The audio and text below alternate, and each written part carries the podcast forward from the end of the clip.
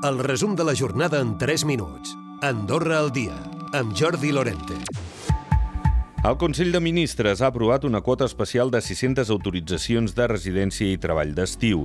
La ministra de Justícia i Interior, Esther Molné, creu que d'aquesta manera es fa front a les demandes del sector turístic. Confiem que això respongui a, les necessitats dels altres sectors. Ara bé, eh, durant la setmana que ve doncs, farem una miqueta d'estudi i si mai fos necessari eh, d'aprovar una quota especial per, eh, per les necessitats del sector de comerç, doncs, també es podria, es podria fer. Molné deia que aquesta xifra d'incorporacions laborals es pot ampliar en un 30%.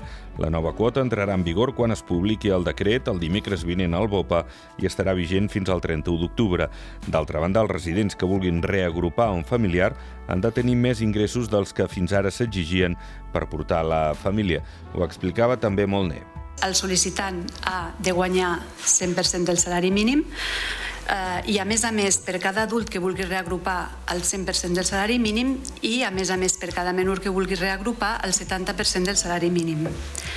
Doncs la finalitat d'aquesta mesura és evitar fer caure a, a, en la precarietat a les famílies tenint en compte l'augment important del cost de la vida que s'ha produït en els, en els darrers mesos. El govern decideix moure fitxa per ajudar a resoldre el malestar que viu el transport sanitari assistit no medicalitzat. Adoptant una posició neutral, decideix obrir un procés de mediació que arrencarà en els propers dies. Guillem Casal és ministre portaveu. Obrir un procés de mediació entre l'empresa i els assalariats. Un procés de mediació extern amb un mediador proposat pels assalariats eh, afectats i per tant el govern, com li he dit, eh, està a sobre. La mostra és que s'han fet 14 reunions i per tant també està intentant trobar la solució i la manera de dialogar entre l'empresa i els assalariats per poder eh, solventar eh, aquesta situació.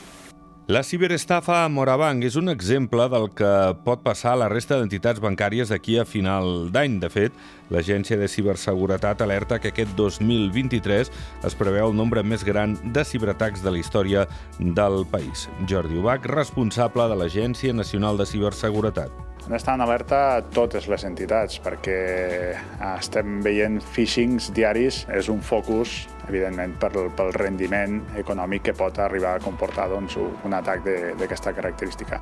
I parlem de les eleccions espanyoles previstes eh, per al pròxim 23 de juliol.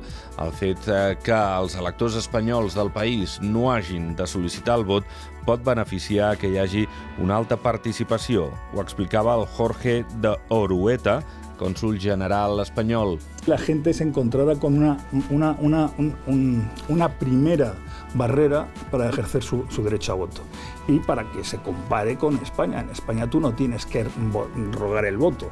UNICEF Andorra ha posat en marxa una nova edició dels encants eh, d'UNICEF, eh, tot plegat per les noies i dones de l'Afganistan. Es volen recaptar 10.000 euros.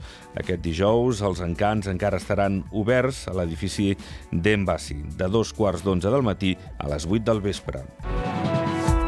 Recupera el resum de la jornada cada dia a AndorraDifusió.d i a les plataformes de podcast.